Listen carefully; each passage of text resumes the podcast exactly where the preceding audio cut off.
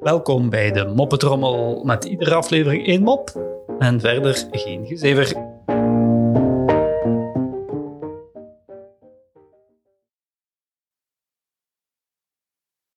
Een helikopterpiloot moet examen doen.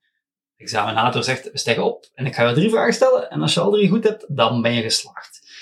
Oké, zegt de helikopterpiloot. Ja, uiteraard ook niet veel keuzen. Uh, de helikopter op en de examinator wijst naar een meter en vraagt aan de piloot, wat is dit voor een meter? De piloot zegt, de benzinemeter. Correct, zegt de examinator. Goed bezig.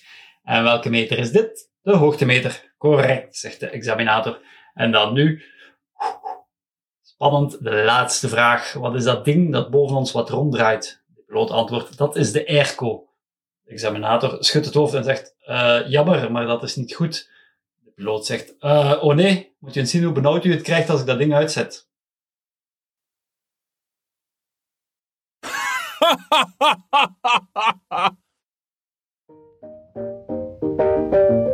Zo, dat was de moppetrommel voor vandaag. En tot morgen.